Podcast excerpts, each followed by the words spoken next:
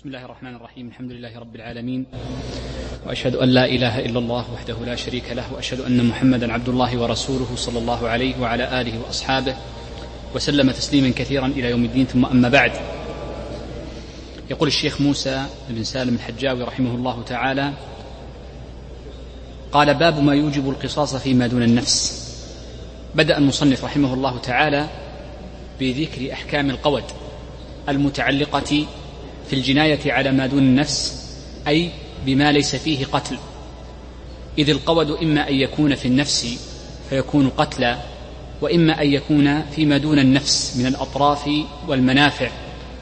وهذان الأمران إذا استوفيت الشروط التي سيوردها المصنف رحمه الله تعالى فإنه يمكن القصاص فيها بدون القتل أي بما, بما يكون أقل من القتل. قال الشيخ رحمه الله تعالى من أقيد بأحد في النفس أقيد به في الطرف والجراح. أي أن الشروط التي سبق ذكرها الأربعة في شروط وجوب القصاص في القتل نفسها تنتقل لوجوب القصاص فيما دون النفس من اشتراط أن يكونا متكافئين ومن اشتراط عصمة الدم ومن اشتراط التكليف في الجاني و نحو ذلك من الشروط التي سبق ذكرها. إذن فيشترط لوجوب القصاص فيما دون النفس نفس الشروط التي تشترط في القصاص في النفس وسبق ذكرها في الدرس الماضي.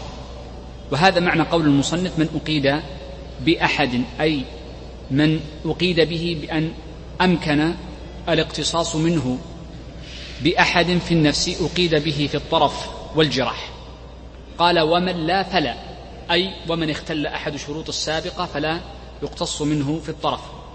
فلو أن من كان دون سن البلوغ قد جنى على آخر فقطع منه طرفا فإنه لا يقتص من هذا الصبي لأن شرط التكليف قد انتفى عنه.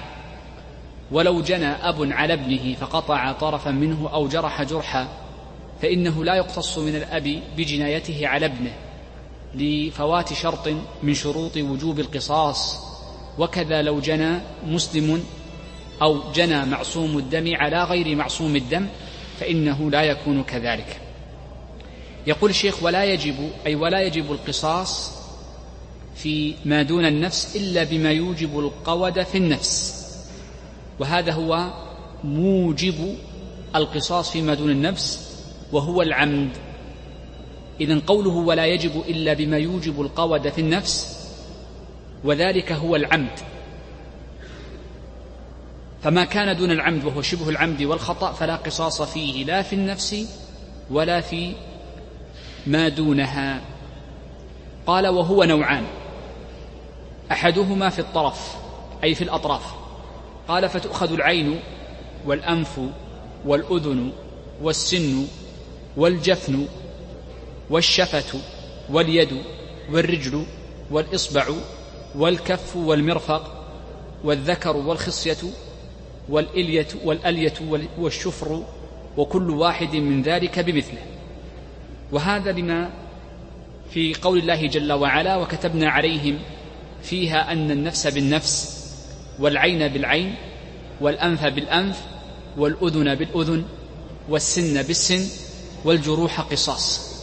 فهذه الآية تدل على أن كل واحد من هذه الأمور يؤخذ بما يقابله ويشبهه فدل على جواز ومشروعية القصاص في الأطراف. يبقى عندنا هنا مسألة وهي في قول المصنف رحمه الله تعالى أن القصاص يجري أيضا في الإلية وفي الشفر. وهذان الموضعان من اللحم وهي الإلية والشفر. ذكر المصنف هنا أن فيهما القصاص ومشى عليه كثير من المتأخرين. والرواية الأخرى التي اختارها الموفق في الكافي وذكر الشويكي في التوضيح أنها هي الأظهر والأقرب أنه لا يجري في الإلية ولا في الشفر قصاص لعدم إمكان المماثلة فيهما على سبيل الدقة إذ هما لحم ولا يوجد مار يمكن الوصول إليه. قال الشيخ رحمه الله تعالى وللقصاص في الطرف شروط وعد المصنف ثلاثة شروط وزاد غيره كصاحب المنتهى شرطا رابعا وهو أن, أن تكون الجناية عمدا محضا أن تكون الجناية عمدا محضا. وسبق معنا أن المصنف أورد هذا الشرط وجعلها مفردة باسم الموجب أي أن موجب القود هو العمد فما لم يك عمدا فليس بموجب. قال الشرط الأول الأمن من الحيف. عبر المصنف رحمه الله تعالى بالأمن من الحيف وقد تبع أو وقد تبع في ذلك أصل الكتاب. بينما المؤلف المؤلف رحمه الله تعالى عبر في الإقناع ومثله صاحب المنتهى وكثيرون عبروا بأن الشرط هو إمكان الاستيفاء بلا حيف. إذا تعبير المصنف ومثله أصله هو الأمن من الحيف. وتعبير صاحب الإقناع وهو المؤلف نفسه وفي المنتهى وفي غيره هو إمكان الاستيفاء بلا حيف. والفرق بين التعريفين كما ذكره المصنف في الإقناع أن الأمن من الحيف شرط لجواز الاستيفاء بينما إمكان الاستيفاء بلا حيف إمكان الاستيفاء بلا حيف كما عبر أكثر المتأخرين فإنه يكون شرطا لوجوب القود إذا الأول التعبير الأول هو شرط للجواز والشرط الثاني شرط للوجوب.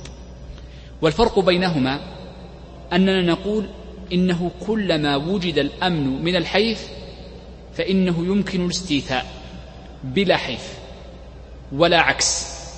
وليس كلما أمكن الاستيفاء بلا حيف يمكن الأمن من الحيف.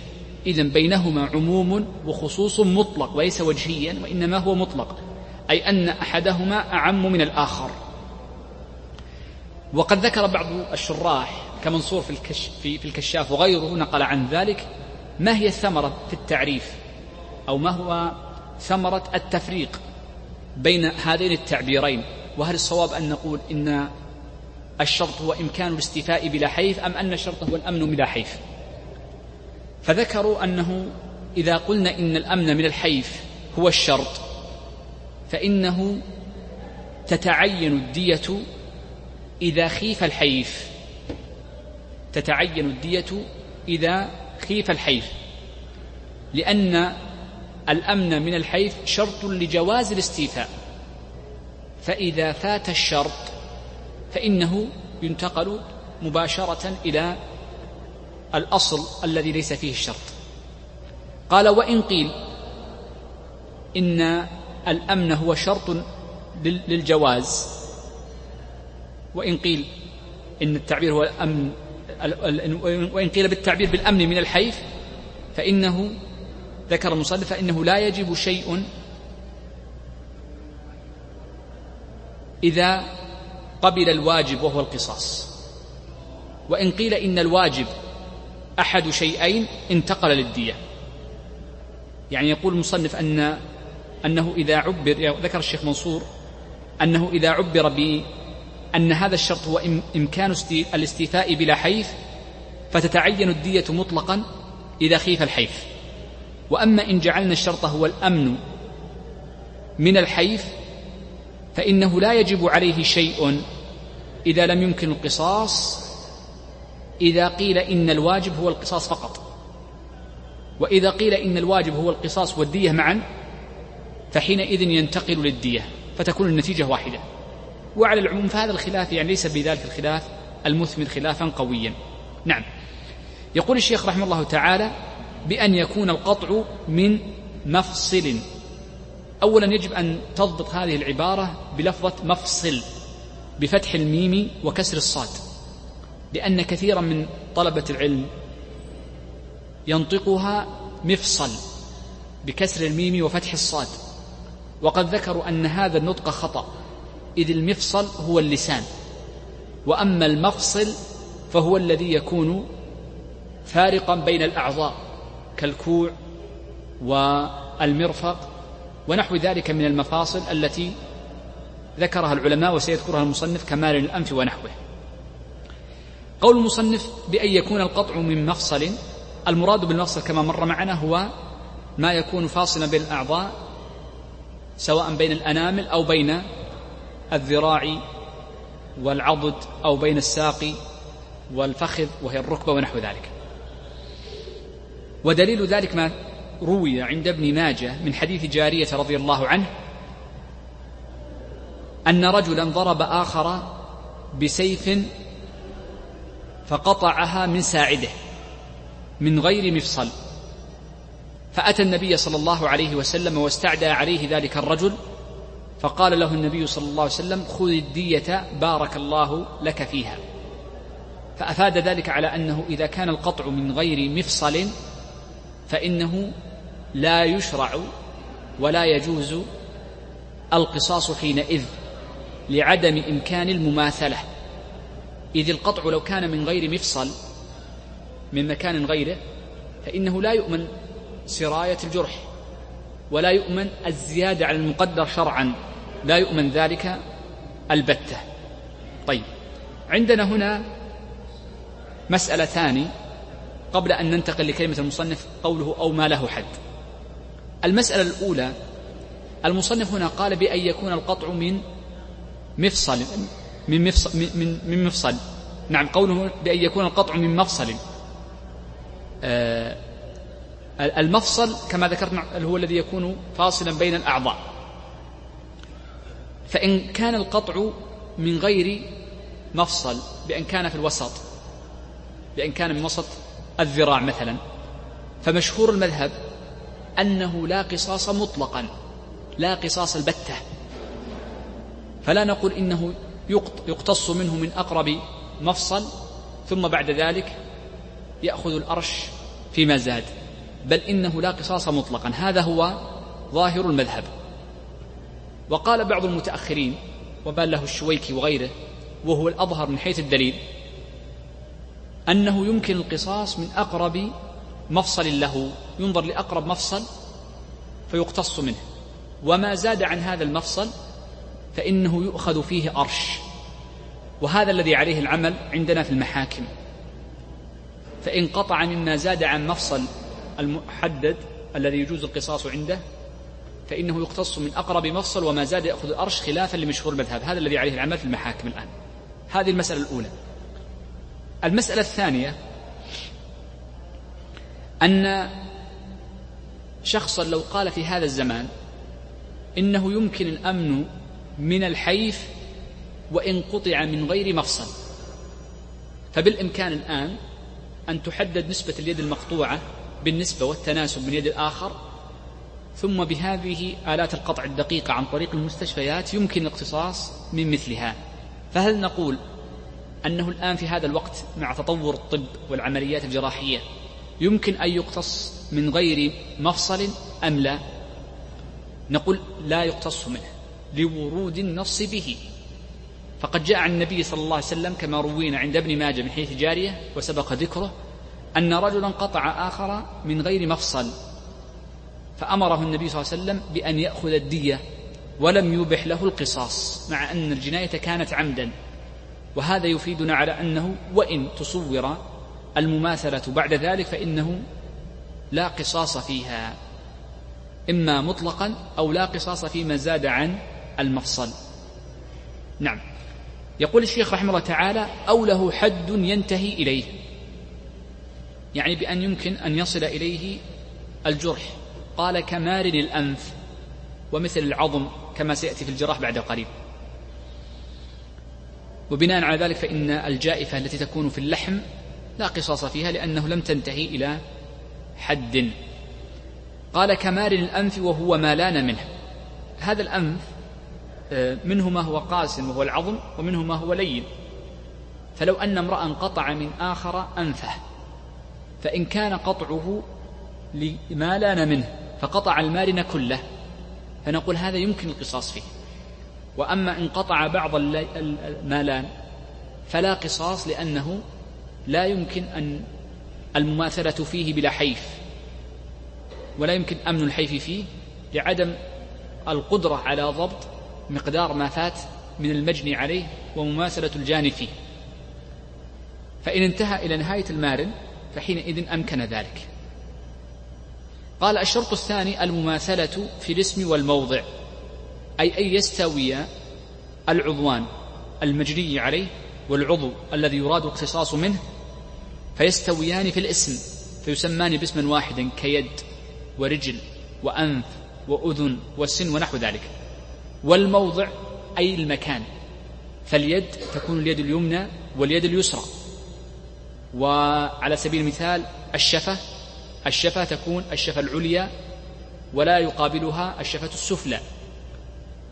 وكذلك أيضا يقال في آه، مثلا الأسنان فإن الأسنان متعددة في الفم فلا يقوم سن مقام سن آخر فالأنياب لا تقوم مقامهما مثلا القواطع والقواطع لا تقوم مقامها الأضراس ونحو ذلك.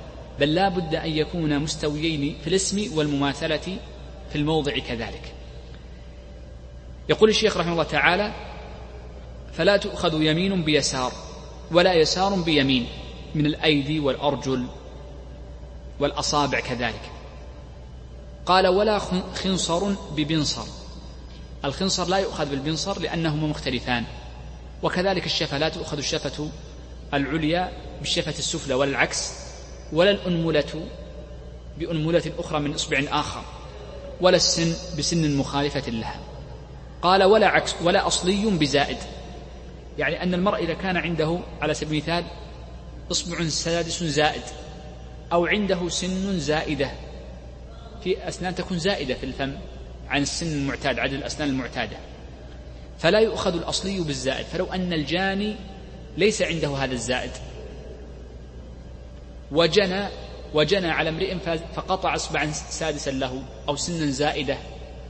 وبعض الناس قد تكون عنده يد زائدة. فجنى عليه فقطع هذه اليد الزائدة مثلا.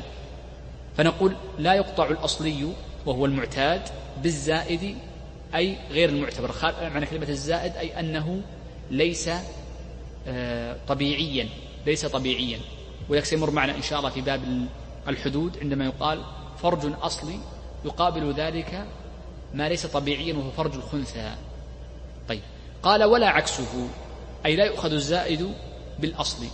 فلو أن امرأ قطع خنصرا لشخص فلا نقطع إصبع الجاني الزائد مقامه بل لا بد من المماثلة فيقطع الخنصر بالخنصر.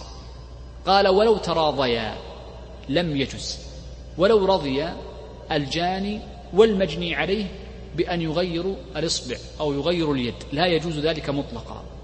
والسبب في هذا الشيء أن أعضاء الآدمي ليست ملكا له فيجوز له أن يعاوض عنها وإنما هي في ملك الله جل وعلا.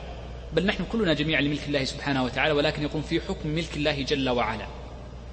ولذلك نحن نقول لا يجوز بيع الأعضاء ولا المعاوضة عليها ولا يجوز أيضا الصلح على إتلاف بعض الأعضاء لأن ليست ملكا للآدم فيصالح آخر على إتلاف عضو مكان عضو آخر وإنما القصاص فقط لورود ذلك في كتاب الله جل وعلا والأمر به. هذا السبب. السبب الثالث الثاني أن ما كان ما لم يكن في ملك الشخص فإنه لا يجوز له أن يبيحه. ما يجوز له أن يبيحه لغيره. لا يباح له. فعليه إثم بإتلاف عضو نفسه. فلا يملك بالإباحة ولا يستباح بها. ولذلك فإن الشخص أصلا لا يجوز له أن يقتل نفسه. وإن قال هذا النفس لي فلا يجوز لك أن تقتل نفسك لأن الإنسان إنما نفسه عنده من باب الاختصاص. هو مستحفظ عليها وأمين. يقول الشيخ الثالث أي من الشروط قال استواؤهما في الصحة والكمال. والمراد بالصحة ما يقابل الصحة من حيث العيب والمرض والكمال من حيث كونها شلاء أو نحو ذلك كما سيذكر المصنف. قال فلا تؤخذ صحيحة بشلاء أي يد صحيحة بيد شلاء ولا كاملة الأصابع بناقصة. هذا الكمال. فإذا كانت يد يد الجاني خمسة أصابع فيها ويد المجني عليه مقطوع منها إصبع أساسا فلا تقطع يد الجاني الكاملة التي فيها خمس بيد المجني التي فيها أربعة أصابع. ومن باب أولى لو كانت يد الجاني عضباء يعني لا يستطيع أن يفتحها وهذه غير مستويتين في الصحة. أو من باب أولى لو كانت مقطوعة من الكف ما بقي منها إلا الذراع. قال ولا عين صحيحة بقائمة. العين الصحيحة التي وجد فيها أمران. الأمر الأول شكلها صحيح بياضا وسوادا والأمر الثاني أنها مبصرة. وأما العين القائمة فإن شكلها صحيح ففيها بياض وسواد لكنه لا بصر فيها. هذا معنى العين القائمة. من باب أولى لو كان غير ذلك غير قائمة بأن تكون يعني فيها عيب مع فقد النظر بها. وهذه الأمور وهو العين الصحيحة بالقائمة لا تؤخذ ولو رضي الجاني لأنها أعلى من حقه. لأنها أعلى من حقه. ولا يصح للمجني عليه أن يتبرع بشيء ليس في ملكه وإنما هو مختص به اختصاصا. يقول الشيخ ويؤخذ عكسه. طبعا إذا رضي المجني عليه. كيف يكون عكسه؟ قوله ويؤخذ عكسه لها صورتان. إما أن تكون يد الجاني ويد المجني عليه مستويتان في العيب فكلاهما شلا. هذه عكس الصحيحة بالصحيحة. فتكون يد الجاني والمجني عليه كلاهما شلا فتكونان مستويتان في, في, في العيب فحينئذ يجوز. الأمر الثاني أن تكون يد الجاني معيبة ناقصة لإصبع ويد المجني عليه كاملة الأصابع. فيجوز للمجني عليه أن يطالب بقطع يد الجاني وإن كانت ناقصة عكس الصورة السابقة. هذا معنى قوله وعكس لماذا؟ لأن الجاني يده أنقص من يد المجني عليه فعندما يأتي القصاص فإنما يأخذ المجني عليه أقل من حقه. فيكون قد أسقط بعض حقه ويتوسع في الإسقاطات ما لا يتوسع في التمليكات والإباحات. قال ولا أرش. ما نقول للمجني عليه عندما قطعت يد الجاني وفيها نقص إصبع تأخذ الأرش أرش الإصبع وهو عشر الدية عشر من الإبن لا أرش فيها لأنك اخترت القصاص. ولا يجمع عندنا قاعدة لا يجمع بين قصاص ودية لا يجمع بينهما. وطرد قاعدة أنه لا يجمع بين قصاص ودية هي التي علل بها الفقهاء المذهب حينما قالوا إن من قطع من غير مفصل كنصف, كنصف الذراع مثلا فإنه لا يقتص من الباقي ويجمع له بين الأرش فإنه لا جمع بين أرش وبين قصاص. هذا رأيه طيب. يقول الشيخ رحمه الله تعالى بعد ذلك فصل النوع الثاني الجراح. الجراح غير قطع الأطراف قطع الأطراف هو الإبانة بحيث أنها تكون منفصلة عن عن الجسد. وأما الجرح فإننا نعرفه من استعمال لغتنا المراد به أن يدخل أن تدخل الآلة إلى داخل الجسد إما أن تصل إلى عظم أو لا تصل إلى عظم وإما أن تكون في اللحم أو في الجلد فقط فكل هذه تسمى جراحا. والجراح لا قصاص إلا في نوع واحد فقط منها وما عدا ذلك من الجراحات سواء كان فيها دم أو لم يخرج دم فإنه لا قصاص فيها. يقول الشيخ الجراح فيقتص في كل جرح ينتهي إلى عظم. أي جرح في الجسد؟ كل جرح في الجسد. في أي موضع فيه؟ من الرأس إلى الإصبع القدم. إذا كان قد وصلت الآلة وأوضحت العظم وبان العظم فهذا فيه قصاص. فأما ما كان دون ذلك فإنه لا قصاص فيه وتسمى الجائفة. وهذه لها صورتان. إما أن تكون الآلة أو الجرح لم يصل إلى العظم ما زال في اللحم لم يصل إلى العظم أو في الجلد ولم يصل إلى العظم بعد هذه صورة. أو أن المحل الذي جرح ليس فيه مطلقا عظم مثل البطن. البطن ليس فيه عظام. فمن طعن آخر في بطنه فإنها لا تصل لعظم إذن هذه لا قصاص فيها مطلقا. إذن الجائفة التي لا تصل إلى عظم لا قصاص فيها. وعرفنا صورتيها قبل قليل. قال فيقتص في كل جرح ينتهي إلى عظم. وهذا بإجماع أهل العلم. وقد حكى ابن أبي عمر في الشرح الكبير. قال لا نعلم خلافا في جواز القصاص في الموضحة. في الموضحة. قال الشيخ رحمه الله تعالى كالموضحة. كاف هنا للتشبيه لأن الجروح كثيرة جدا قد تكون من الرأس إلى أطراف الأصابع كلها تسمى جراحا. بدأ المصنف بأول نوع من الجروح قال كالموضحة. الموضحة هذه تطلق بإطلاقين إطلاق عام فتشمل كل جرح ينتهي إلى عظم وإطلاق خاص وهو الذي يستخدمه الفقهاء غالبا ويقصدون به الجرح الذي ينتهي إلى عظم إذا كان في الوجه أو الرأس خاصة. إذا فقوله كالموضحة أي الجرح الذي يكون في الرأس والوجه خاصة بشرط أن يكون قد أوضح العظم. الموضح يعني قد أوضح العظم بمعنى أنه وصل الجرح إلى العظم. فينظر مقدر الشجاج وينظر الذي يعني يرى هل فيها قصاص أم لا. فإن رؤي العظم أو يدخل عود فإن وصل إلى العظم مباشرة ولم يكن بينه وبينها شيء فنقول فيها قصاص وإلا فلا. قال وجرح العضد. جرح العضد معروف العضد هو ما بين الذراع وما بين الكتف والساق ومعروفة الساق والفخذ والقدم بأصابعها.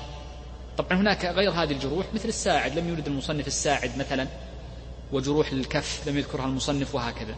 إذا فقول المصنف ك كالموضحة الكاف هنا للتشبيه لأنه لم يستوعب جميع أنواع الجروح التي تنتهي إلى عظم قال الشيخ ولا يقتص في غير ذلك من الشجاج والجروح. كل جرح يعني شجة في الرأس أو جرح في البدن كله وهذا هو الفرق بين الشجاج والجروح. الشجاج تكون في الرأس والوجه والجروح تكون في سائر البدن فإنه لا قصاص فيها. كلها لا قصاص فيها. ومن ذلك الكسر. أيضا لا قصاص فيه فمن تعمد كسر يد آخر أو رجله فإنه لا قصاص في ذلك. استثنى المصنف من ذلك أمرين يمكن القصاص فيهما وإن لم تكونا موضحة. الأمر الأول قول في قوله غير كسر سن. السن وحده هو الذي يتصور فيه القصاص. طبعا عندنا الجناية على السن ليس على بتغير لونه أو باهتزازه. لا نتكلم عن الجناية على السن بإبانته لأن نحن نتكلم الآن عن إبانة. بإبانته لها نوعان. إما أن يزيل السن من أصله من جذره فيقلع قلعا. فيكون القصاص فيه بقلعه تماما وهذه واضحة. يقلع كما قلع سن الأول. يقلع قلع من جذوره. النوع الثاني أن لا يكون قلعه وإنما كسره فيكسر بعض السن. يأتي شخص لآخر فيرمي عليه زجاجة كهذه الزجاجة فيكسر نصف سن المقدم من ثنيته أو من أنيابه فيكسر سنه بسبب هذا الحجارة التي رماها عليها والزجاجة. فنقول فيها القصاص هي الوحيدة فيها قصاص وإن لم يكن فيه قلع لكليته. لماذا فيها القصاص؟ قالوا لأن السن يسهل فيه برده. فننظر كم ذهب من طول السن واضح يعرف طول السن بالسن الذي بجانبه. كم ذهب منه؟ ذهب منه نصفه. فنأتي لسن الجاني يبرد بردا بالمبرد أو بآلات الطب الحديثة هذه عن طريق التي يعني تبرد السن. فيقص نصف سن الجاني. إذا السن وحده يستثنى من ذلك. وقد ورد عن ابن عباس أظن أو غيره أنهم آه، ذكروا ذلك. وهذا من قضاء الصحابة رضوان الله عليهم. الصورة الثانية مما يستثنى أيضا قال إلا أن يكون أعظم من الموضحة. هذه صورة ثانية هي في الحقيقة ليست استثناء ولكن يمكن أن نقول إن إلا هنا بمعنى الاستثناء غير المتصل المنقطع بمعنى لكن لكن. قال إن كان أعظم من الموضحة كالهاشمة والمنقلة والمأمومة سنتكلم عنها إن شاء الله في الديات ما الفرق بين الهاشمة التي تهشم العظم والمنقلة التي تنقله من مكانه وغير ذلك سيأتي إن شاء الله في دياتها. قال فله أن يقتص موضحة. هذه الأنواع من الجراحات الهاشمة والمنقلة والمأمومة فإنه إذا جنى شخص على آخر بمثل هذه الجنايات فيجوز للمجني عليه أن يقتص موضحة. فيأتي فيقتص إلى أن يصل العظم ولا يزيد لأن ما زاد عن العظم لا يؤمن فيه الحيف. فلا يمكن أن يجزم بهشم عظم الجاني ولا بنقله ولا بأمه بأن يصل إلى أم عظمه. قال فله أن يقتص موضحة فقط ولا يزيد عن ذلك. وله أرش الزائد أي أرش ما بين الموضحة وما بين تلك الشجة الأخرى كالهاشمة مثلا. والأرش بين مثلا الموضحة والهاشمة قالوا إنها خمس من الإبل وهكذا من الأمور التي نذكرها إن شاء الله في باب الديات في الدرس القادم. وهذه هي ما استدل به أصحاب الرواية الثانية أنه قالوا كما يجوز في الجراح أن يقتص بالموضحة ويأخذ, ويأخذ الأرش عما زاد فيجوز كذلك أن يقتص في الأطراف من مفصل ثم يأخذ أرشا عما زاد بعد ذلك. يقول الشيخ وإذا قطع جماعة طرفا يعني اشترك جماعة في قطع طرف أو جرحوا جرحا يوجب القود فعليهم القود. هذه مسألة مبنية على أمور. سبق معنا أن الاشتراك في الجناية يوجب القصاص من جميعهم إذا كان فعل كل واحد منهم يصلح أن يكون قاتلا. هذا في القتل في قتل النفس. أو الحالة الثانية أن يتواطؤوا وإن لم يكن فعل كل واحد منهم يصلح أن يكون قاتلا على سبيل الانفراد.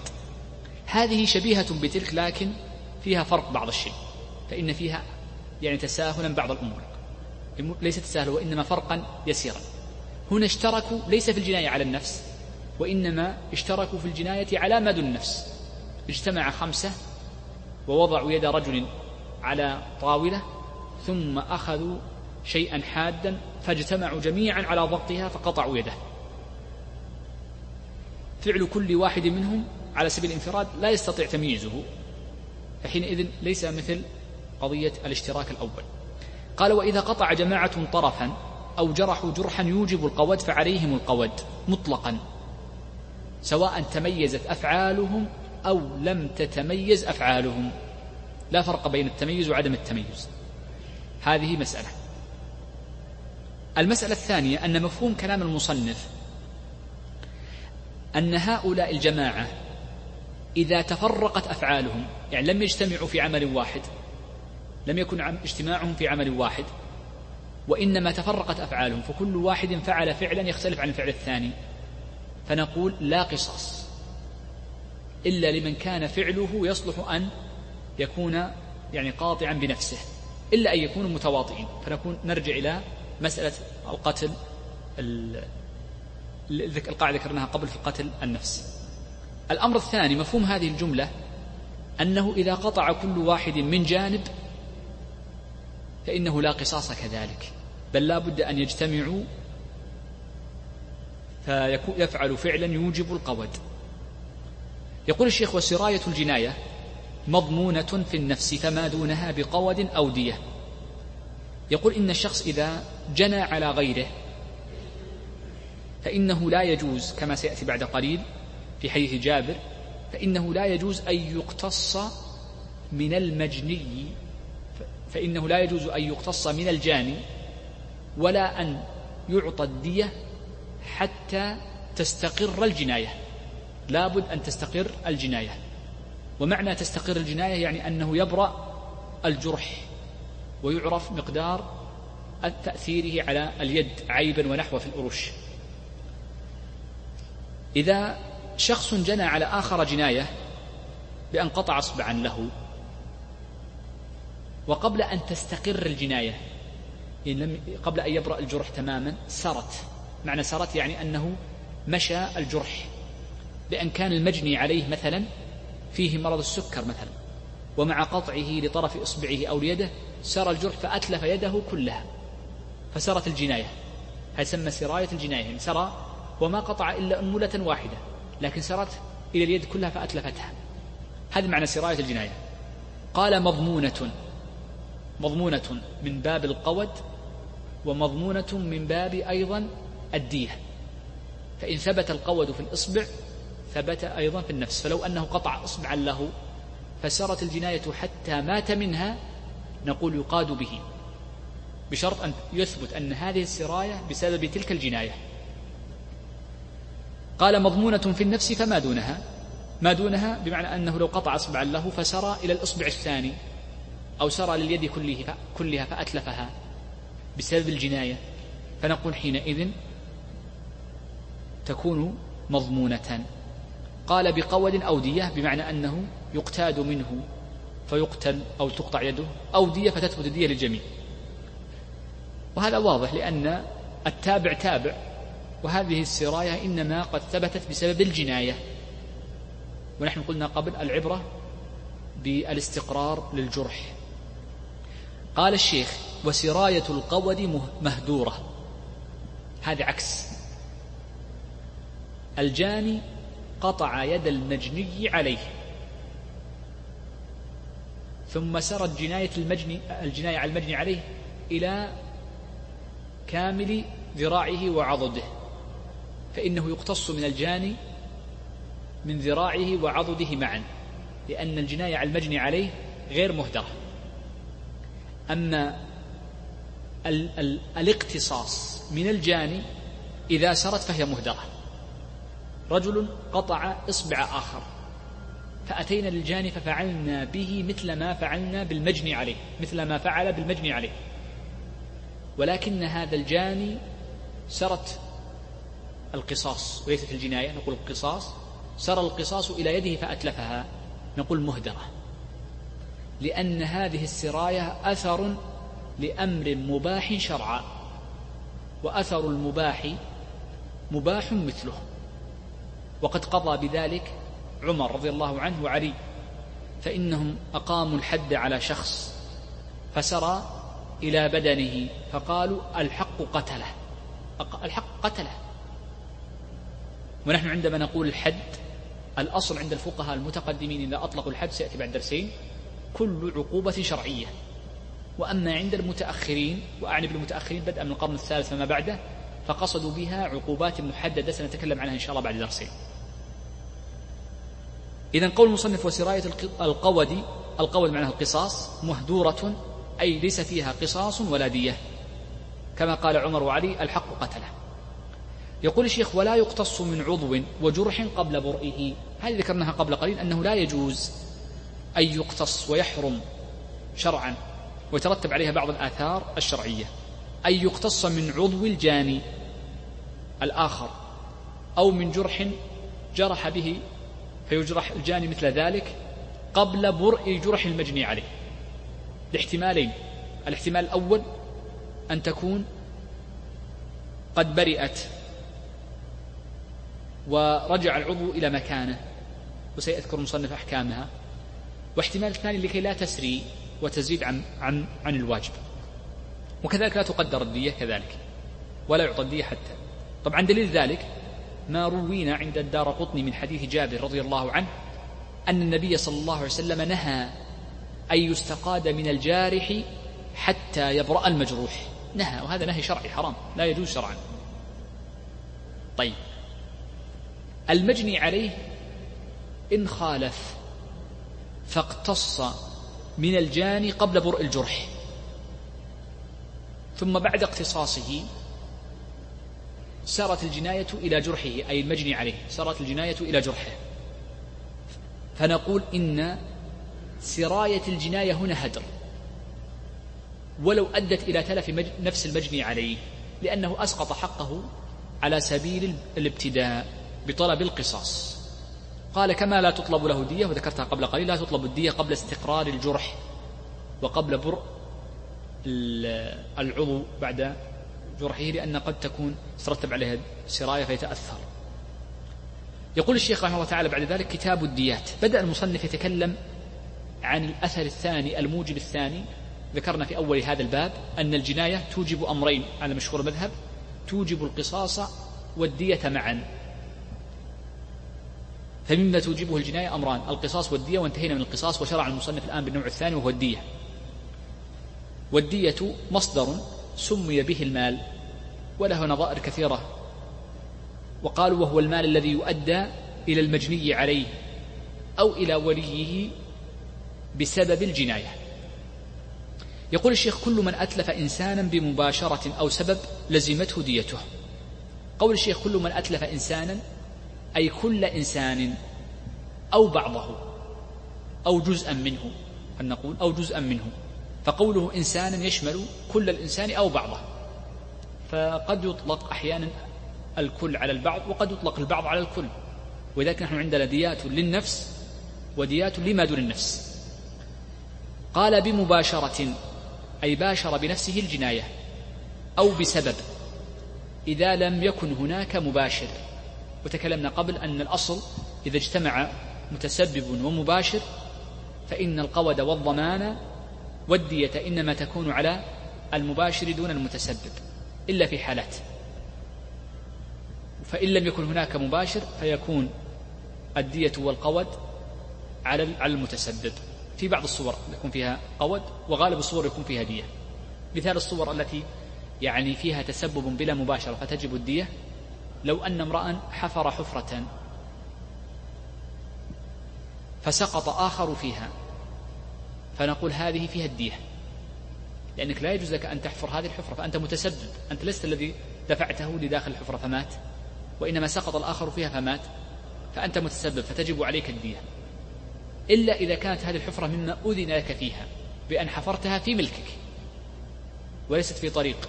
الملك أحيانا قد يكون فيه طريق لغيرك وهذا تسمى حقوق الانتفاع بالأملاك. فحينئذ تعتبر هدرا إذا سقط فيها آخر. يعني أمثلة التسبب كثيرة جدا ولها باب منفصل. يقول الشيخ فإن كانت عمدا محضا ففي مال الجاني حالة. مثل سيأتي بعد قليل أو نعم لم يذكرها المصنف أن الأصل أن الجناية إذا كانت عمدا سواء كانت على النفس أو على ما دون النفس. وهذا معنى قوله عمدا محضا أي ليست شبه عمد. فإنها تكون في مال الجاني أي ليست على عاقلته وإنما يدفعها الجاني. والعمد فيها صفتان. الأمر الأول ما ذكره المصنف أنها في مال الجاني. الأمر الثاني أنها حالة بمعنى أنها ليست مؤجلة. بل يجب أن تدفع من حين استقرار الجناية. وثبوتها. قال وشبه العمد والخطأ على عاقلته. عرفنا قبل ما هو شبه العمد وعرفنا نوع الخطأ. قال تكون على عاقلته. والمراد بالعاقلة هم العصبة. وسيفرد له المصنف بابا مستقلا. وتكون مؤجلة. قال فإن غصب حرا. بدأ يتكلم عن مسألة فيها تسبب. ولكن ثبت فيها الدية. قال فإن غصب حرا. قوله غصب غصب الحر المراد به عند الفقهاء هو الحبس. فكل من قيد حرا في مكان وحبسه فإنه يسمى غصبا. يعني جعله في مكان مقيد فيه مغلق. فمنعه من الانتقال. هذا معنى الغصب. لأن الغصب في, في الأعيان هو سرقتها.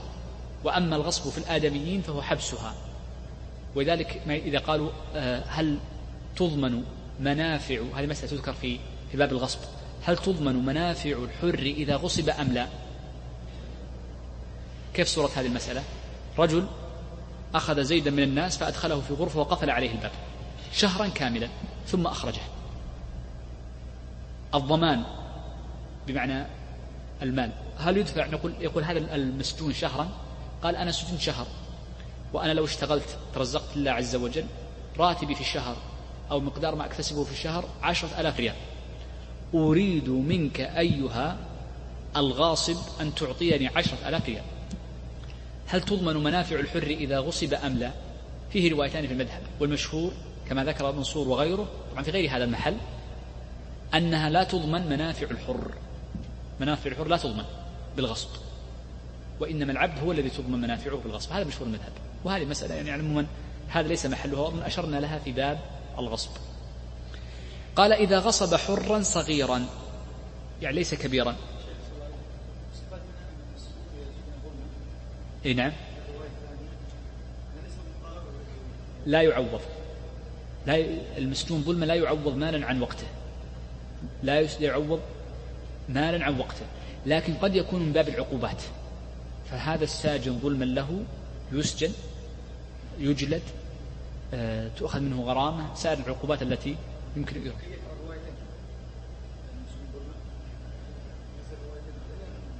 نعم.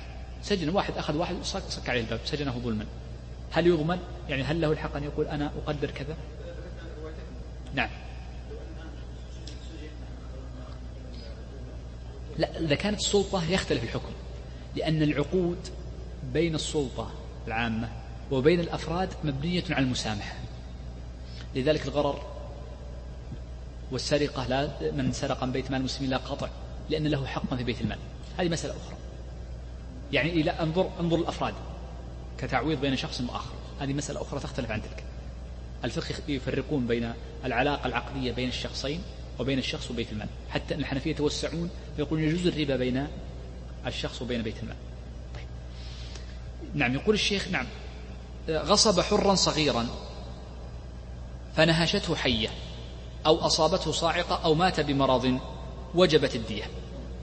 يقول إن الحر الصغير إذا وضع في مكان مغلق فنهشته حية. خرجت حية فنهشته فمات بسبب نهشتها. قالوا إنه تجب الدية. لماذا؟ لأنه لا يستطيع الفكاك منها. أما لو كان قنا فلا تجب الدية وإنما تجب قيمته. واضح تجب القيمة. ولذلك قال حر لكي يخرج القن فإنما تجب قيمته. وقوله صغير لأن الكبير يستطيع أن يفتك من هذه الحية يستطيع أن يفتك منها بفعله فإنما هو محجور في غرفة أو في بيت فإمكانه أن يفتك منها. قال أو أصابته صاعقة يعني نزلت عليه من السماء صاعقة وهو في مكانه. فإنه حينئذ تجب فيه الدية لأن الصاعقة تصيب الشخص في المكان المرتفع إذا كان مكشوفا. ونهش الحية والإصابة من الصاعقة إنما كان بسبب حبسه فلو لم يكن محبوسا لربما نجاه الله جل وعلا منهما. فدل ذلك على أنه في هاتين الحالتين تجب على الحابس أو على الغاصب أن يدفع ديته. ذكر بعض العلماء في قضية نهش الحية وإصابة الصاعقة ضابطا وهو الشيخ تقي الدين. ونقله عنه صاحب الإقناع وهو المصنف وأقره على ذلك. فقال وكل ويدخل في حكم الصاعقة ونهش الحية كل ما كان سببا لإتلافه في ذلك الموضع يعني أنه إنما طرأ في ذلك المكان. لو جاء غرق فأغرقه لو جاء حريق فأحرقه في الغرفة التي هو فيها. فكل ما كان بسبب ذلك الموضوع وعدم قدرته على الخروج منه فإنه يكون مضمونا بسبب ذلك. قال الشيخ أو مات بمرض. هذه أو مات بمرض محل إشكال. لأن المشهور المذهب كما ذكر المصنف في الإقناع وذكر ابن النجار الفتوح المصري أيضا في في في المنتهى. وكذلك مشى عليه أغلب المتأخرين مثل الشويكي وغالب المختصات الأخيرة أنه إذا حبسه أو غصب حرا فجعله في مكان. فمات بمرض فإنه لا دية فيه.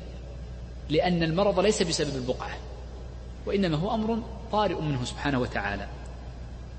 ولذلك فإن المصنف ذهب للرواية الثانية التي ذكرها الدجيلي في الوجيز وصححها المرداوي في التصحيح وهو تصحيح الفروع. والمرداوي له ثلاثة كتب اعرفوا هذه القاعدة في كتب مرداوي فإن المرداوي كتبه هي المعتمدة عند متأخري فقهاء الحنابلة. المرداوي توفي سنة 885 له ثلاث كتب تصحيح وتنقيح وترجيح. ولذلك المرداوي سمى المصحح والمنقح والمرجح. صحح المذهب في تصحيح الفروع ونقحه في التنقيح المشبع وبين الراجح في الإنصاف في معرفة الراجح من الخلاف.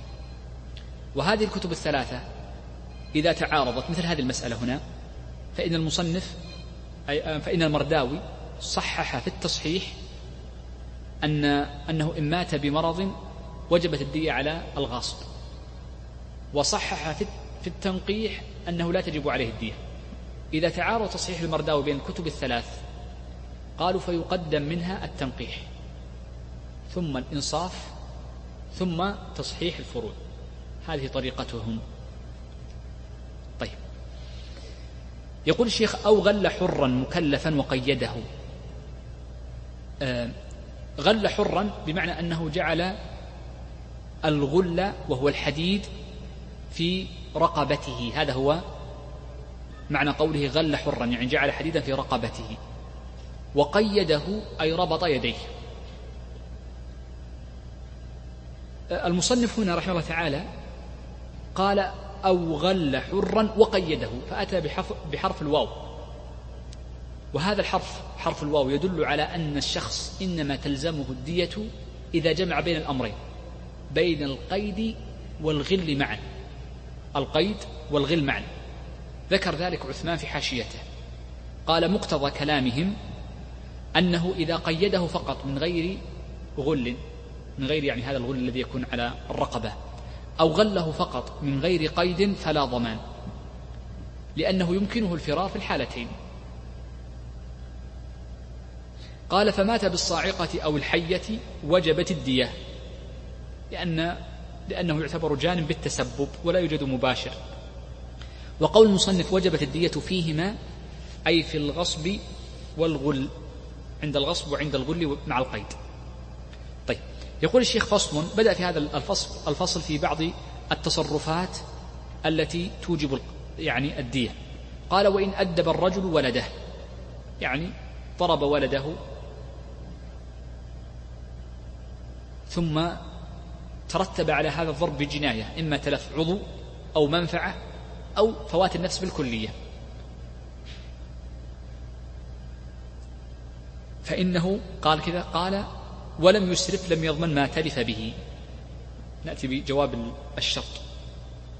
يعني أن الشخص إذا أدب ولده ولم يسرف فإنه لا يضمن. يعني ضربه ضربا معتادا فلا يضمن. ومعنى قوله ولم يسرف معنى ذلك أنه يعني نأخذ مفهومها أنه لو أسرف في الضرب أو زاد على ما يحصل به المقصود. من التأديب. فإنه يضمن. فإنه يضمن. طيب قال وإن أدب الرجل ولده ويدخل في ولده كذلك مع التكلف الزوجة. فلو ضرب الرجل أو أدب الرجل زوجته عند نشوزها فقط من غير نشوز لا يجوز له أن يؤدبها. ولم يسرف في ذلك بأن يكون جاوز الحد في الضرب. أو جاوز آه، ما يحصل به المقصود. قال أو سلطان رعيته أو معلم صبيته. معلم الصبيان يعلمهم فقد يضرب من لم يحفظ من لم يحفظ أو يسيء الأدب. ولم يسرف الجميع لم يضمن ما تلف به لا, لا الرجل ولا السلطان ولا المعلم. قول المصنف أو معلم صبيته يستثنى من ذلك صورة واحدة. وهو الصبي الذي لا عقل له. كل صبي لا عقل له. فإنه لا يجوز ضربه ولا يجوز تأديبه فيضمن إما فاقدا لعقله أو لكونه تحت سن التمييز. لا يضرب من تحت السابعة. ولذلك الفقهاء يقول من ضرب صبيا لا عقل له بأن كان دون السابعة مثلا أو كان مجنونا ضمنه وإن أذن له بضربه. قال ولو كان التأديب لحامل فأسقطت جنينا ضمنه المؤدب. لأن المرأة الحامل لا يجوز إقامة الحدود عليها كما مر معنا خشية من سراية إقامة الحد سواء كان قصاصا أو كان حدا من العقوبات الحدية سيأتي ذكرها. وكذلك ما كان دونها من باب قياس الشبه فالتأديب للحامل لا تؤدب بالضرب لأنه قد يؤدي إلى إسقاط الجنين. فلما كان منهيا عن فعل ذلك خشية السراية فإذا أسقطت جنينها يضمنه المؤدب لها. يقول المصنف وإن طلب السلطان امرأة لكشف حق الله. بدأ يتكلم المصنف عن المرأة إذا أسقطت. ليس بسبب تأديب ولا ضرب وإنما أسقطت بسبب بسبب نوع من الإفزاع. بأن يكون قد طلبها السلطان. سأتكلم ما معنى السلطان وما يلحق به. قال وإن طلب السلطان امرأة لكشف حق الله. جاء السلطان فاستدعاها إما لمجلس قضاء أو لشرطة أو لتحقيق أو لغير ذلك من أو محتسب كهيئة أمر معروف ونهي عن منكر ونحو ذلك. لكشف حق الله أي لثبوت عقوبة لحق الله جل وعلا. وكذلك نقول أيضا أو لغيره. أي لحق آدم فلو استدعاها لأن شخصا قد جنى عليها. فلو استدعاها شخص فلو استدعاها السلطان لأن لأنها آه، قد جنت على شخص. أو استدعاها لثبوت حق في ذمتها. سنذكره بعد قليل لظلم أو بدون ظلم. طيب. نبدأ بكلام المصنف جملة جملة. الجملة الأولى في قول المصنف وإن طلب السلطان. هنا ذكر مثال بالسلطان.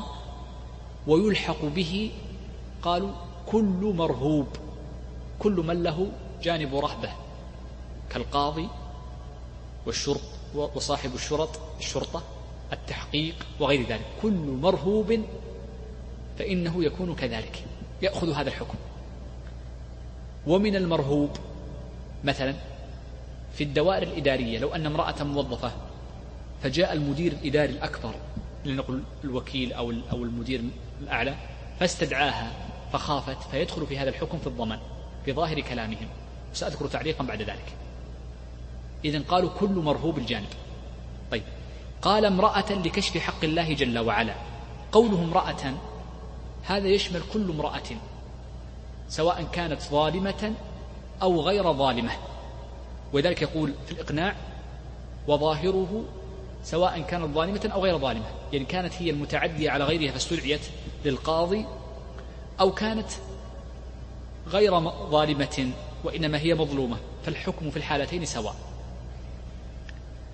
آه، استثنى من ذلك الموفق في المغني وابن أخيه ابن أبي عمر في الشرح. فيما إذا كانت المرأة ظالمة فإنه لا يكون فيه ضمان. وأما إن كانت مظلومة ففيه الضمان. وهذا القول وجيه جدا كما قال ابن قدس في حاشيته على الفروع. ولكن ذكر ابن قدس أن الظاهر أن الموفق بن قدامة إنما كان هذا منه من باب الفقه لا من باب النقل. يعني هو القيد أتى به هو من عنده من باب الاستحسان لا من باب النقل. استحسنه من باب الفقه لا من باب النقل لم يكن منقولا عند من قبله. ولذلك المتأخرون كلهم لم يذكروا هذا القيد وإنما قالوا سواء كان ظالما أو مظلوما طيب. قوله لكشف حق الله جل وعلا أي بأن ثبت عليها حق لله جل وعلا كحد أو عقوبة تعزيرية أو قد يكون لكشف حق آدمي ولم يذكر المصنف أن يكون لكشف حق آدمي لأن الجملة التي بعدها تدل عليه. قال أو استعدى عليها رجل. استعدى عليها أي طلب النظر. فجعلها عدوا له وخصما. استعدى عليها رجل بالشرط. بالشرط أي الشرطة. فقال إن في دعوى له ادعى عليها بمال ادعى عليها بجناية ادعى عليها بأي شيء. فأسقطت. يعني خافت لما استدعتها الشرطة أو خافت عندما استدعاها القاضي أو عندما نتوسع في قولهم كل مرهوب فخافت عندما استدعاها المدير الأعلى في الدائرة الإدارية فيها فأسقطت من الخوف. قال ضمنه السلطان أي في الصورة الأولى إذا كان لكشف حق الله والمستعدي أي في الصورة الثانية إذا كان لكشف حق آدم. وهذا هو معنى قول بعضهم ضمنه السلطان ما كان بطلبه ابتداء وضمنه المستعدي ما كان بسببه أي بسبب استعدائه. إذا قوله ضمنه السلطان إما أن نقول إذا كان بطلبه ابتداء لحق الله جل وعلا بلا استعداء أحد وضمنه المستعدي إذا كان بسببه وباستعدائه. إذا فقوله والمستعدي الواو هنا ليست للجمع وإنما للمغايرة لاختلاف الحال. فيضمنه السلطان في حالة ويضمنه المستعدي في حالة أخرى. طيب. هذه المسألة يعني كما ترون أنها يعني الفقهاء توسعوا فيها فقالوا كل مرهوب يستدعي حاملا. سواء كانت ظالمة أو مظلومة فتسقط فإنه يضمن قيمة جنينها فيدفع ديته وهو عشر دية أمة. وهذا الكلام يعني الحقيقة يجعل أن الحامل لا تستدعى. مفهوم هذا الكلام لا تستدعى. ولذلك قال الفتوحي وهو قاضي ويكشف انظر يعني أبواب القضاء عندما يتكلم فيها قاض يكون حسه أدق. الفتوحي في بخطه كتب على بعض النسخ من المنتهى كما نقل. قال وهذا يعني فيه يعني معنى كلامه أن هذا فيه بعض الإشكال. لأني لا أعلم أن أحدا يسأل إذا أراد أن يستدعي امرأة من القضاة أن أحدا من القضاة إذا أراد أن يستدعي امرأة يسأل هل هذه المرأة حامل أم ليست بحامل؟ لأن لو كانت حامل يقول استدعوها بلطف وطيبوا خاطرها لأنها تسقط فأضمنه أنا أيها القاضي. ولذلك يقول هذا الكلام يعني قد يكون فيه بعض الكلام. ولهذا جعل الموفق رحمه الله تعالى أنه يقول استدعاء الحامل إذا كانت ظالمة فإن أسقطت فزعا أو خوفا أو نحو ذلك فإنه لا ضمان فيه إذا كانت ظالمة. وأما إذا كانت مظلومة فإنه لا شك هنا يكون آه، الظالم آه، يعني آه، يجب عليه الضمان. يقول الشيخ رحمه الله تعالى ولو ماتت فزعا لم يضمنا. كيف ماتت فزعا؟ يعني امرأة كانت حاملا فأفزعت بسبب استدعاء مرهوب أو بغيره فأسقطت فماتت عند إسقاطها. فيقولون هنا يضمن الجنين ولا تضمن أو ماتت ابتداء. بعض الناس يعني قلبه خفيف جدا وهذا موجود يعني مر. قد يعرف في بعض الصور. أن بعض الناس عندما يقال فلان يستدعى كالقاضي فلان أو كذا وخاصة إذا كان هذا الرجل مهاب الجاني ومرهوب جدا فمن شدة خوفه يسقط ميتا. إذا فقد يكون موتها فزعا بسبب الفزع نفسه أو بسبب الإسقاط الذي هو نتيجة الفزع. إذا هما حالتان. يقول الشيخ ولو ماتت أي المرأة مطلقا أو المرأة الحامل فزعا لم يضمن لم يضمن أي لم يضمن الجنين ولم يضمن تضمن الأم إذا كان الجنين في بطنها لكن لو أسقطته ثم ماتت بعد ذلك فإنه يضمن الجنين ولا تضمن الأم. طبعا آه هذا كلام المصنف رحمه الله تعالى. والمصنف إنما بس على هذه الجزئية والمصنف رحمه الله تعالى تابع فيه الوجيز وهو صاحب الدجيلي صاحب الوجيز. ولكن المعتمد في المنتهى ونص في الإنصاف أنه المذهب أنها إذا ماتت فزعا فإنه يضمن وهذا هو الصحيح. والمعتمد في المذهب والمصنف يعني آه، خالف. بس جملة واحدة أنتهي منها ثم نرجع. لم يضمن لم يضمن القاضي ولم يضمن المستعدي. وليس لم يضمن. أنا أنا قلت لم يضمن بالبناء على المجهول كان قلت فقد أخطأت. هي لم يضمن أي لم يضمن القاضي ولا المستعدي. لكن لو ماتت المرأة في بطنها الجنين لم يضمن الجنين ولا الأم لكن لو خرج فيضمن الجنين وحده. يقول الشيخ ومن أمر مكلفا أن ينزل بئرا أو يصعد شجرة فهلك به لم يضمنه. بدأ يتكلم المصنف عن بعض صور التسبب التي تكون هدرا لأن أي جناية أربعة أنواع إما أن تكون عمد أو شبه عمد أو خطأ والنوع الرابع أن تكون هدرا. من صور الهدر ما سبق معنا ذكره في قضية سراية القصاص فإن سراية القصاص هدر. ومن ذلك دفع الصائل ودفع الصائل هدر. ومن ذلك من آذن في الجناية إذا آذن شخص لآخر بالجناية عليه فإنها هدر. واحد قال لآخر اقطع يدي أو اقطع إصبعي فأذن له قبل ذلك فتكون هدرا لأنه أسقط حقه وهكذا. من صور الهدر هنا قال إذا أمر مكلفا. يعني شخص بالغ يكون الشخص بالغا عاقلا. أي ينزل في بئر. إما أن يكون أمره مجانا أو أمره بأجرة. قال خذ هذا المبلغ وانزل في البئر. أو أن يصعد شجرة. نفس الشيء إما مجانا أو أنه بأجرة. فهلك به أي بصعوده أو بنزوله.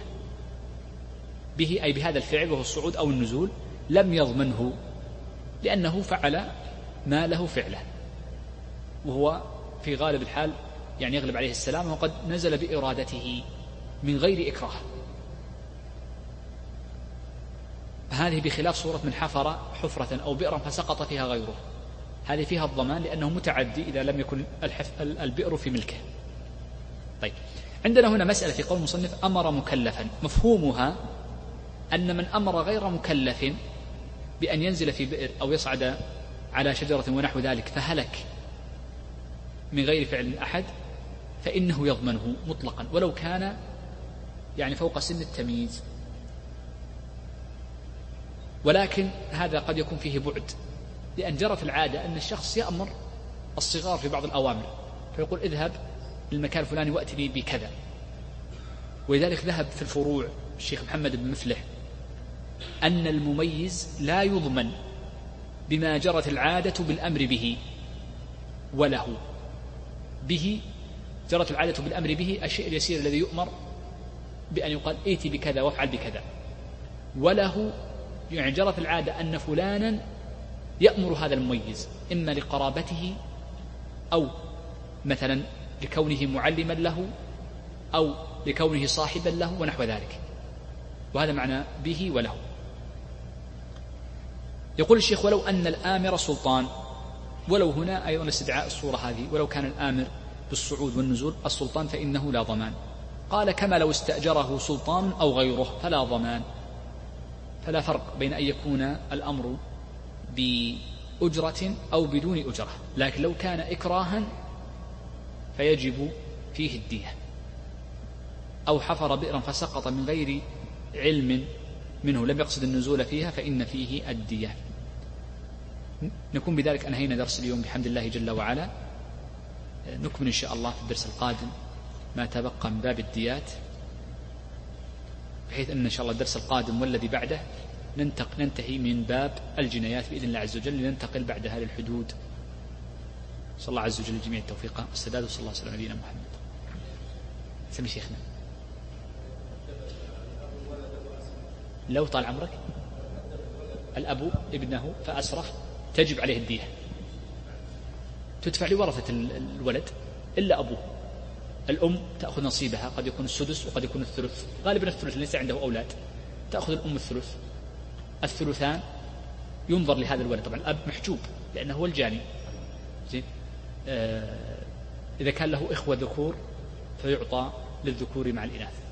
إن كان فقط له أخوات إن كانت أخت واحدة فلها النصف إن كانت أختين فلهم الثلثان. إن كانت واحدة ينظر لأقرب العصبة عمه قد يرث عمه الباقي فتقسم بين الورثة ولذلك لو أن رجلا جنى على امرأة وهي حامل فأسقطت جنينا يجب على الزوج أن يعطي الأم ديته وهو عشر دية أمه غرة عبد أو أمه. فحتى بعض الآباء الرجال قد يكون هو السبب في الجناية على الأم المرأة. يضربها يصدم في الطريق يصدم وهي معه والخطأ عليه يجب عليه دية فتسقط يجب أن يعطي الأم دية الجنين يعني الإسقاط إن كان بسبب الزوج يجب عليه يبذله. ما في إشكال. سم شيخنا. زوجته؟ إذا كان هو المخطئ؟ واحد مثلا يقود سيارته وكفراته قديمة مثلا ثم انفقع الكفر فالزوجة مع الاهتزاز والخوف أسقطت. هو مخطئ. يجب عليه أن يدفع للزوجة دية الجنين وهو عشر دية أمة. عشر دية أمة تقريبا 15 ألف ريال. سيأتي إن شاء الله في الدرس القادم مقدار الديات. 15 ألف ريال. يعطي الأم نصيبها وهو الثلث خمسة ألاف ريال ويبقى عشرة ألاف ريال يرثها إخوانه إخوان الميت الولد يعني. قد يكون إخوانه من أبيه قد يكون له إخوة من أم لهم الثلث إذا كانوا أكثر من واحد واحد السدس قد يكون الشخص يعطي أخوه يقول هذه ابني. شرع الله عز وجل. طبعا مش إذا كانت خطأ ما يدفعها هو تدفعها عاقلته عنه. إذا كانت خطأ يدفعها عاقلة لكن في جناية التأديب يدفعها الشخص بنفسه لأن ليست خطأ هذا شبه عمد.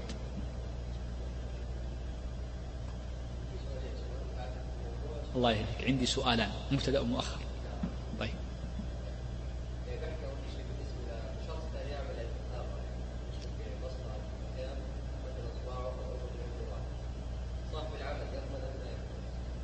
ما يضمن دية لا يضمن. هذه مسألة أخرى يعني ماذا يتكلم عنها وإلا لا. شرعا يقول الفقهاء لا يجوز الجمع بين الدية والتعويض بمعنى أنه لا يجوز الزيادة على الدية. أي شيء في تقدير شرعي لا يجوز الزيادة عليه. قدر الشرع أن الإصبع فيه كذا فالذي يدفع الدية من؟ فلان.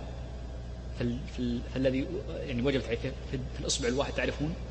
عشر من الإبل عشر الدية فإذا قطع يجب أن يعطيه عشر من الإبل على الجاني المباشر أو المتسبب. إن لم يكن هناك جان أو متسبب أن يكون الشخص هو الذي أخطأ على نفسه فالشخص لا يدفع لنفسه الدية. فتكون هدرا. هذه من صور الهدر. هل يجوز الزيادة على الدية أم لا؟ نقول ما يجوز.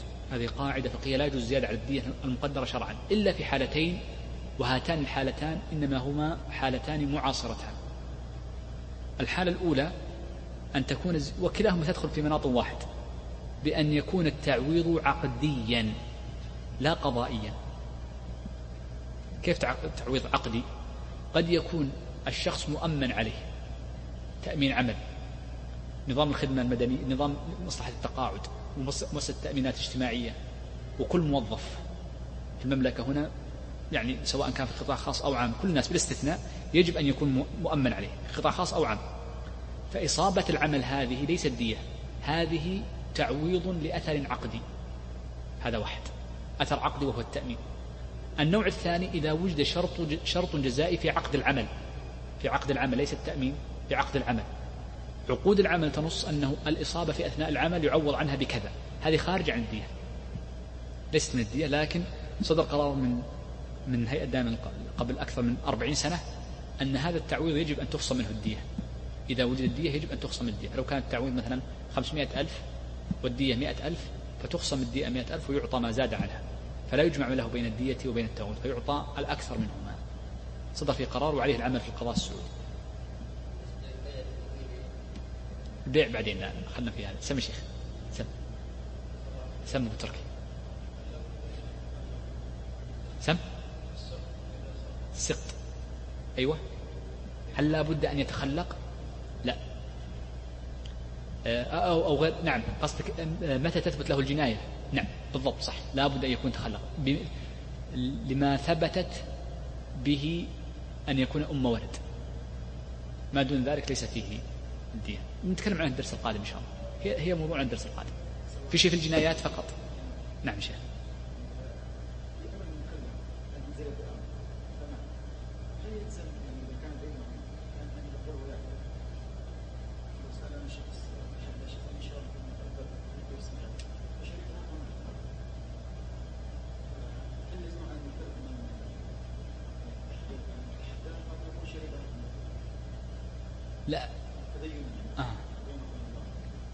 يعني لو قال له هذه سم.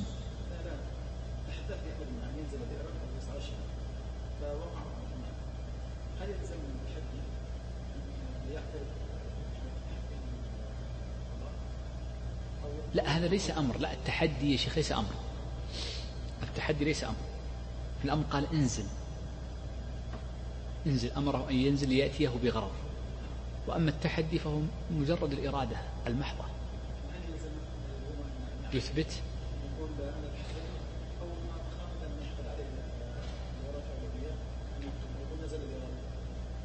هو نزل بإرادته.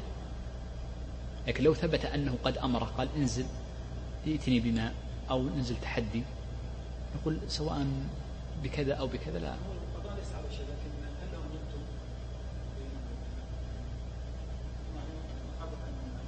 نعم ما في إشكال. ما دام ما دام الحكم واحد ما في قود يجوز له كتب. ما في مشكلة. لا في إشكال العمل أنه لا قصاص فيها. وهذا هو الصحيح. الصحيح أنه لا.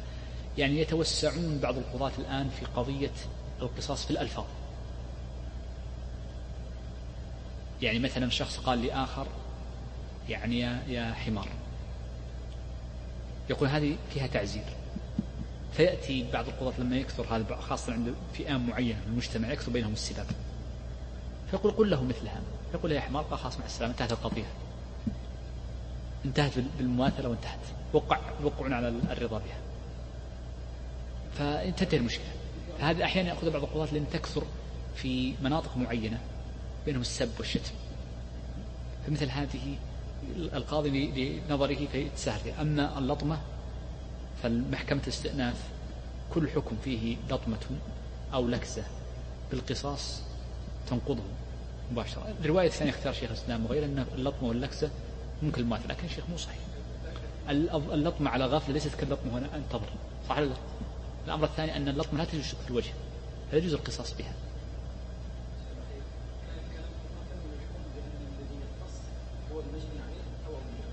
آه، الأصل لا. العمل عندنا لا. الأصل أن جهات التنفيذ جهة منفصلة عن المجني لكن إذا طلب أولياء المجني عليه أن ينفذوا بأنفسهم فيكون ذلك بشرطين. أن يأخذوا إذنا من القاضي يطلب ويرفع القاضي. والأمر الثاني أن يكونوا ممن يحسن الاستيفاء يعرف استخدام المسدس إذا كان قصاص مسدس أو بالسيف إذا كان يحسنه. غالب الناس يعني قد يطبق هو لكن في صور قليل جدا. يجب أن يكون يحسن الاستيفاء. أحسن الاستيفاء هذه شو؟ ولا شرعا من حقه. فلائحة الإجراءات التي صدرت العام في شهر ستة نصت على هذا الشيء. بحق أولياء الدم. بس يجب أن ينص القاضي في الحكم القضائي. يجب. وياك شيخ. سمي شيخ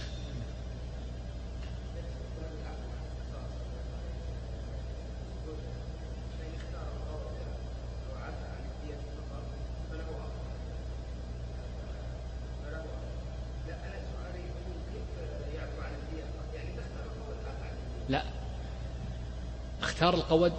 قال أريد القود. سكت. أو قال عفوت عن الدية من شدة من شدة يعني مطالبته بالقود. قال ما أبي دية؟ ألا تحتمل أن يكون يقول لا أريد دية ولكنه يريد القود؟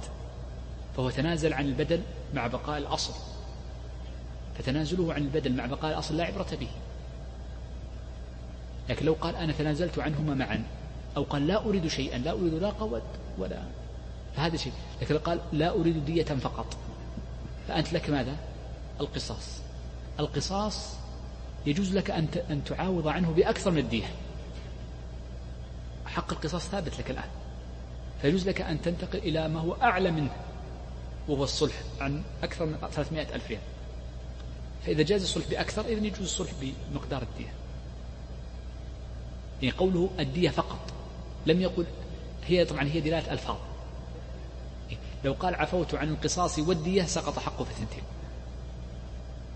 قال الدية فقط. أو قال القود فقط. لا. لا أحيانا وقت كذا يقول خاف أنا من باب تأكيد على نفسه يقول أنا لا أريد دية أريد القصاص. أطالب بالقود فقط. أطالب بالقود. آه، مطالبته بشيء. أو عفوا إسقاطه للشيء قبل ثبوته لا يسقط. مثاله انظر مع مثاله. لما الشخص يقول لآخر كل ميراث أرثه من مورثي فهو لك. أو لا أريد ميراثي من فلان. هذا تبرع بشيء قبل وجوده فلا فلا يثبت. مثال آخر لو أن رجل قال إن تزوجت فلانة فهي طالق. طبعا هذه فيها خلاف لكن خلينا نقول على على تحقيق هذه القاعدة. إذا قال إن تزوجت زينب فهي طالق ما بعد تزوج زينب إلى الآن. ما يقع الطلاق لأنه إيقاع للطلاق قبل وجود المحل. مثل الذي يعفو عن الشيء قبل وجوده. يعني يقول إذا إذا اشتريت منك آه هذه هذا الكأس بخمس ريالات البائع يقول إذا إذا اشتريت مني هذا الكأس بخمس ريالات فقد عفوت عنك عن الخمس ريالات.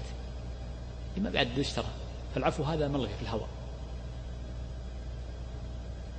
لأن عندهم أن العفو لابد أن يكون منجز. في وقته. سم شيخ. سم؟ ما بالك. المتأخرون المعتمد من المذهب المعتمد من المذهب أن من قطع ما زاد عن المفصل فلا قصاص فيها كلها. يعني قطع من نصف الذراع لو قطع من هنا فيه قصاص. لو قطع من الكوع هذا كوع يسمى مفصل الكوع هذا يسمى كوع وهذا يسمى مرفق. لو قطع من الكوع فيه قصاص. لو زاد عن الكوع لا قصاص مطلق ما له إلا الدية أو الأرش زين؟ القول الثاني بعض المتأخرين يعني رجحه الشويكي في التوضيح. هذا من كتب المتأخرين وهو شيخ مصنف. آه، قال فيها القصاص إلى المفصل. أو المفصل فتح الميم المفصل. وما زاد فيه أرش. الحق بالموضح كما أن ما زاد عن الموضحة كالمنقلة والهاشمة فيها قصاص موضحة. وما زاد فيه أرش فهذه مثلها. واضح شيخنا؟ في شيء أخوان شيخ مجيد. صلى الله وسلم وبارك على نبينا محمد وعلى آله.